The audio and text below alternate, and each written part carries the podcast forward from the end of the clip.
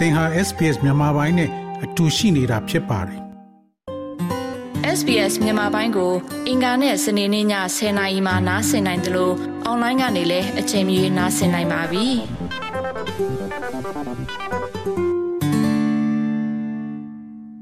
ထိုင်းမြန်မာနယ်စပ်မဲဆောက်မြို့ကွန်ကရစ်လမ်းမကြီးတွေကနေရက်ွက်ကျိုရက်ွက်ကြားလမ်းတယ်လေးတွေကိုဖြတ်ပြီးကားနဲ့မိနစ်20လောက်မောင်းသွားလိုက်ရင်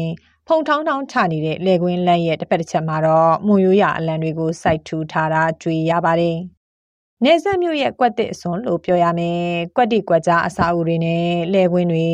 စိုက်ခင်းတွေကြားထီထီကြီးတိဆောက်ထားတဲ့ဝိပဿနာမွန်ကျောင်းတိုင်းမှာ89နှစ်မြောက်မွန်မျိုးသားတွေကိုကျင်းပနေတာပါ။အဖြူအနီးကွက်ကြားမွန်ရိုးရဝတ်စုံတွေနဲ့ပြည့်နေနေတဲ့အပရိသတ်တွေကြားမွန်တို့ရဲ့အထိမ်းမှန်ဟင်းသာရုပ်ကြီးနဲ့တိဆောက်ထားတဲ့စင်မြင့်ထမှာ အသက်10နှစ်အောင်မွန်ကလေးငယ်တွေကစားပြီးအရွယ်ဆုံးမွန်လူငယ်တွေအထိမိုးရွရအကအလှတွေနဲ့ဖြောပြနေကြပါတယ်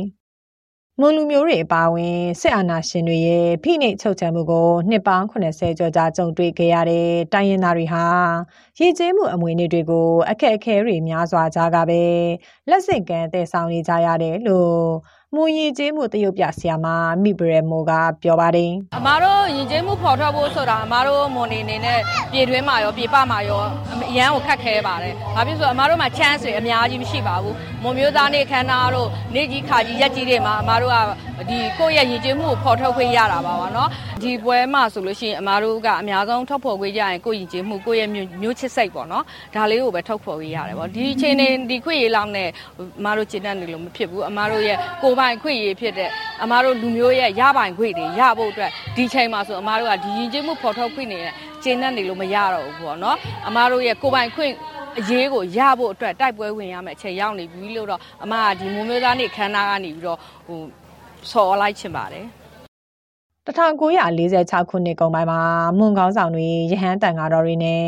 မွန်ပညာရှင်တွေစုပေါင်းပြီးမွန်ပြည်နယ်တန်ဖြူစီရမျိုးပတ်ငါချေးရွာမှာကျင်းပခဲ့တဲ့ညီလာခံမှာ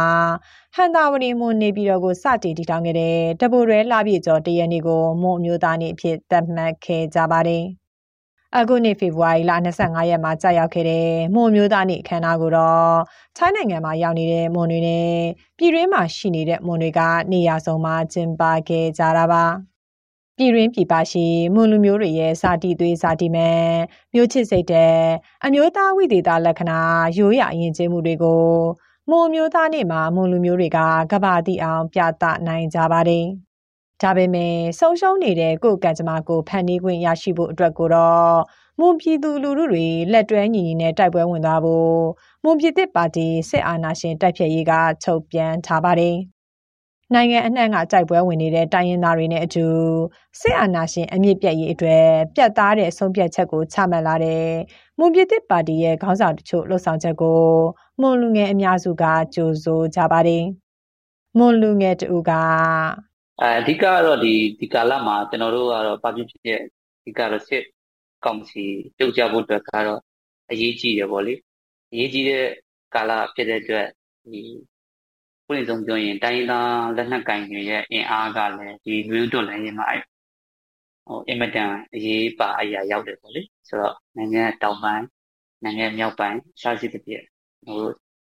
စစ်ကောင်စီကိုတုတ်ကြဖို့ဆိုရင်တိုင်းတိုင်း တနက်ကအဖွဲ့အစည်းတွေရဲ့အင်အားကလည်းမပါမဖြစ်တဲ့ကဏ္ဍတစ်ခုရှိနေတဲ့အခါကျတော့မဖြစ်တဲ့ကအခုလိုမျိုးစစ်ကောင်စီကိုတော်လန်ဖို့တရားဝင်ထုတ်ပြီးတော့ပြောလာတဲ့ပုံမှာမဒေတာခံ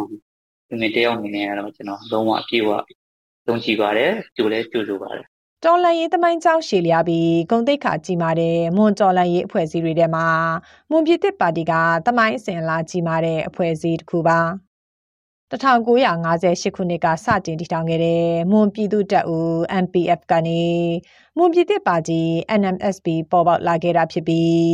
လက်ရှိမှာဥက္ကဋ္ဌနဲ့ဒုဥက္ကဋ္ဌနေရာတွေကိုနိုင်ဟန်တာနဲ့နိုင်အောင်မင်းတို့ကတာဝန်ယူထားကြပါတယ်။ NLD အစိုးရလက်ထက်2018မှာလာဟုဒီမိုကရက်တစ်အစည်းအရုံး LDU နဲ့အတူတနိုင်ငံလုံးပြစ်ခတ်ရစဲရေးသဘောတူစာချုပ် NCA ကိုလက်မှတ်ရေးထိုးခဲ့ပြီးနောက်လက်ရှိအချိန်ထိ NCA လမ်းကြောင်းဖြစ်တဲ့ UPDJC, JMCU, PBFSD တွေမှာပါဝင်ဆွေးနွေးနေတုန်းရှိနေတာပါ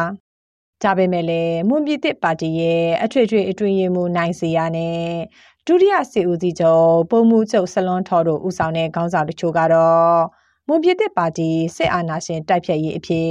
စစ်ကောင်စီကိုတိုက်ထုတ်သွားဖို့ဖေဖော်ဝါရီ14ရက်မှာထုတ်ပြန်ခဲ့ပါတယ်။ဒီလိုမွန်ပြည်သစ်ပါတီခေါင်းဆောင်တချို့ရဲ့မှန်ကန်ပြတ်သားတဲ့ဆုံးဖြတ်ချက်အပေါ်အားရခြေနဲ့ရတယ်လို့စစ်အာဏာရှင်ကိုလက်နက်ကင်ကြော်လန့်နေတဲ့မွန်ရဲဘော်တူကပြောပါတယ်။အဲမိုးမိုးလူငယ်ရတဲ့ဒါမျိုးကိုစောင့်နေတာကြာပြီလေဒါမျိုးရှိနေဖြစ်ဖို့အတွက်ကို အာအမျိုးမျိုးဘက်ပေါင်းတွေကနေကျွန်တော်လည်းဖိအားပေးခဲ့တာတွေလည်းရှိတယ်ပြောခဲ့တာလည်းရှိတယ်အဲအမြဲတမ်းစောင့်မျှော်နေတာပေါ့တချို့အချို့တော့ဒီကောင်းဆောင်တွေကခွဲထွက်လာခဲ့ဆိုတော့ကျွန်တော်အနေနဲ့လည်းဒီနေ့အားရဝမ်းသာမိမိပါတယ်အဲကျွန်တော်လိုချင်တဲ့ຢာပို့ပြီးတော့နီးစက်လိုက်ပြီးတော့ကျွန်တော်ထင်ပါမော်လက်လက်နက်ကိုင်တဲ့အဖွဲ့အစည်းတွေအကုန်လုံးညီညွတ်တဲ့ဒီအာနာရှင်ကိုဥချိန်မှာပေါ့အာဒီစစ်အာနာရှင်အမြင့်ပြုတ်ပြုတ်ချရင်ဒါမျိုးကိုအရင်အရင်ဆုံးလောက်သွားဖို့တော့ကျွန်တော်ကအရင်ဆုံးတိုက်တိုက်သွင်းချင်တာ မူပြည်သစ်ပါတီစစ်အာဏာရှင်တိုက်ဖျက်ရေးကကိုပိုင်ပြဋ္ဌာန်းဝင်အပြည့်အဝရရှိတဲ့ဖက်ဒရယ်ပြည်ထောင်စုတည်ဆောက်ရေးအတွက်စစ်ကောင်စီကိုတိုက်ပွဲဝင်နေတဲ့တိုင်းရင်းသားတော်လှန်ရေးအဖွဲ့အစည်းတွေနှွေဦးတော်လှန်ရေးအင်အားစုတွေနဲ့လက်တွဲပြီးအာဏာရှင်ကိုတိုက်ထုတ်သွားမယ်လို့အသိပေးထားတာဖြစ်ပါတယ်။ ဒီလိုပြပြသားသားပြောဆိုလာမှုနဲ့အတူအဲ့ဒီပါတီခေါင်းဆောင်တွေဟာပြီးခဲ့တဲ့တပတ်တွင်ကပဲအမျိုးသားညီညွတ်ရေးအစိုးရမဟာမိတ်ဆက်ဆံရေးအဖွဲ့တာဝန်ခံအန်ယူဂျီနိုင်ငံသားရေးဝန်ကြီးဒေါ်စင်မအောင်နဲ့တွေ့ဆုံဆွေးနွေးခဲ့ပါတယ်။အဲ့ဒီတွေ့ဆုံမှုမှာအာဏာရှင်စနစ်အပီးတိုင်တိုက်ဖြတ်နိုင်ရေး ဖက်ဒရယ်ဒီမိုကရေစီပြည်ထောင်စုတည်ဆောက်ရေးတို့အတွက်ခိုင်မာတဲ့မဟာမိတ်အဖြစ်နိုင်ငံရေးစစ်ရေးတန်တမာရေးစတဲ့ကဏ္ဍအလုံးမှာ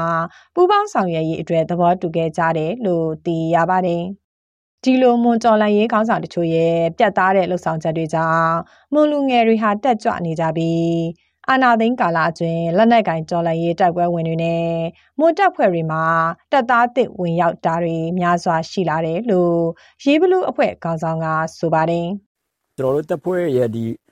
လုံးဆောင်မှုတွေကတော့ဒီနောက်ပိုင်းတော့အင်အားပိုပြီးကောင်းလာတယ်ဗျအခုကဒီဝင်ရောက်လာတဲ့150တော့ကျွန်တော်တို့အခုအခြေခံတင်တန်းပေးပါတော့အခြေခံတင်တန်းတွေအခုပေးနေပြီပေးပြီးတော့ကျွန်တော်တို့ဒီတင်တန်းပြီးသွားတာနဲ့ကျွန်တော်လက်နဲ့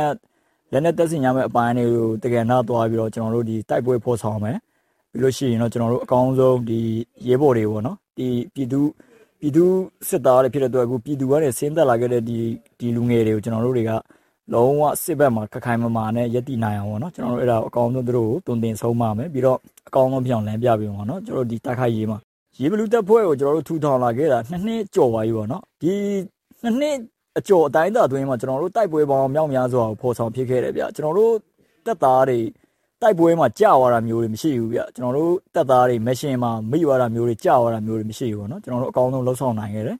စီရေးကိုလည်းအကောင်းဆုံးကျွန်တော်တို့ view ဟာတွေခင်းနိုင်တယ်အကောင်းဆုံး view ဟာကောင်းကောင်းနဲ့ကျွန်တော်တို့ဟိုလှုပ်ဆောင်နိုင်စွမ်းလည်းရှိတယ်ဗျကျွန်တော်တို့ရေးပေါ်တွေရောနောက်တစ်ခုကဒီ view ဟာဘိုင်းတွေမှာရောအားလုံးပေါ့နော်အဖက်ဖက်ကနေကျွန်တော်တို့ဥဆောင်နိုင်တယ်အဖက်ဖက်ကနေလည်းကျွန်တော်တို့အကောင်းဆုံးဖြစ်အောင်ဖန်တီးနိုင်တယ်ဗျ အာနာသိန်းကာလအတွင်းမှာမွန်တော်လိုင်းရေးအဖွဲ့အစည်းကြီးဖြစ်တဲ့မွန်ပြည်သစ်ပါတီက NCA လမ်းကြောင်းကိုကင်ဆွဲထားပြီးစစ်ကောင်စီနဲ့ဆွေးနွေးမှုတွေပြုလုပ်ခဲ့တာကြောင့်မွန်တော်လိုင်းရေးဟာအနှဲငယ်နောက်ကျကျန်နေသလိုဖြစ်ပြီးအများရဲ့ဝေဖန်မှုနဲ့ပါကြုံခဲ့ရတာပါဒီလိုအခြေအနေမှာရေးဘလူးတပ်ဖွဲ့တို့လိုမွန်ပြည်ကာကွယ်ရေးတပ် MSDF တို့လိုစစ်ကောင်စီကိုလက်နက်ကင်တိုက်ပွဲဝင်နေတဲ့တပ်ဖွဲ့တွေကြောင့် မွန်တွေရဲ့အများချက်တူတော်လှန်လို့စိတ်ပြင်းပြနေတာကို ပြသနိုင်ခဲ့ပါတယ်။ကြအပြင်လက်ရှိမှာစစ်အာဏာရှင်တပ်ဖြတ်ရေးမွန်ပြည်သစ်ပါတီခေါင်းဆောင်တွေကပါပါဝင်လာတာကြောင့်မွန်ကျော်လိုင်းကြီးဟာအရွေတစ်ခုကိုအမြန်ဆုံးရောက်ရှိလာတော့မှာဖြစ်တယ်လို့ပြောလာသူကမွန်ပြည်တော်လိုင်းရေးတပ်ဥက္ကဋ္ဌဒေါက်တာသီရိမွန်ချမ်းပါအာမွန်လူငယ်တွေအတွက်လည်းတော်တော်လေးအားဖြစ်စီပါတယ်မွန်ပြည်သစ်ပါတီကအမျိုးသားရေး တော်လှန်ရေးကိစ္စရက်တွေမှာဟိုအစဉ်လာကြည့်မှပြီးအတွေ့အကြုံရှိခဲ့တဲ့ဟိုလက်နက်ကင်တော်လှန်ရေးပါတီတစ်ခုပါအရင်တုန်းကမွန်ပြည်သစ်ပါတီရဲ့ရက်တီချက်မပြတ်သားခဲ့မှုကြောင့်မွန်ပြည်သူပြည်သားများနဲ့မွန်လုံငယ်တွေကမကျေနပ်ခဲ့တော်ညာလဲအခုလိုပြပြသားသားတော်လှန်ရေးဘက်မှာရက်တီပြီးဟိုစကားစကိုတိုက်တော့မဲလို့ကြီးညာပြီးတာနဲ့မွန်လူငယ်အမြော့အများမွန်ပြည်သစ်ပါတီ ဟို AD မှာလက်နက်ကင်အဖို့ဆက်တွယ်လာတာတော်တော်လေးဟိုများတယ်လို့ကြားသိခဲ့ရတယ်အခုလိုမျိုးဟိုကနဦးကလေးကမွန်ပြည်သစ်ပါတီကပြပြသားသားဟိုတိုက်ခိုက်မယ်လို့ပြောခဲ့ရင်မွန်ပြည်နယ်ကမွန်လူငယ်တွေအခြားပြည်နယ်တွေမှာရှိတဲ့အခြားတိုင်းဒေသလက်နက်ကိုင်အဖွဲ့အစည်းတွေရဲ့ထိန်းချုပ်နေမြေကိုတောဆရာမလို့ပဲမွန်ပြည်နယ်မှာရှိတဲ့မွန်ပြည်တစ်ထိန်းချုပ်နေမြေမှာဟိုစီရေးလက်ကျမှုတွေ ဟိုစီရေးလှုပ်ရှားမှုတွေထိထိရရပြုလုပ်နိုင်ခဲ့မှာပါအခုတော့အဲ့ဒီအခက်ခဲတွေကျော်လွှားနိုင်ပြီးမွန်လူငယ်တွေတော်လှန်ရေးမှာများများပြားပြားဟိုပါဝင်လာနိုင်မှာပါမွန်လူမျိုးတို့တမိုင်းစင်ဆက်ရကြည့်မယ်ဆိုရင်ကိုတီကိုနန်ကိုဘရင်ဧကရင်နဲ့နေထိုင်ခဲ့ကြတာပါအဲ့ဒီအခြေအနေတွေကိုလက်လွတ်ခဲ့ရလို့သူ့ကြုံဘဝလို့ဆိုနိုင်တဲ့ခေတ်အနေဖြစ်လဲနှစ်ပေါင်း260ကျော်ကြာမြင့်ခဲ့ပြီလို့ဆိုကြပါတယ် မွန်လူမျိုးတို့မျှော်မှန်းထားတဲ့ရာမညမွန်ပြည်ကိုတိစောက်နိုင်ဖို့အရေးမှာတော့လက်ရှိနေဦးတော်လှန်ရေးကာလဟာအချိန်ကောင်းလို့ပြည်သူအများစုကယုံကြည်နေကြပါတယ်။ဒီသတင်းဆောင်မကိုတန်လွင်ခက်ကပေးပို့ထားတာဖြစ်ပါတယ်။ SBS မြန်မာပိုင်းကိုနားဆင်ရတာနှစ်သက်ပါတလား။ Facebook မှာဆွေးနွေးမှုတွေကိုဆက်ကြရအောင်ပါ။ SBS မြန်မာပိုင်း Facebook ကို Like လုပ်ပြီးတော့သင်ချင်တဲ့ချက်ကိုမျှဝေနိုင်ပါတယ်။ SBS Bemis ကို Facebook မှာ Share ကြည့်နိုင်ပါတယ်ရှင်။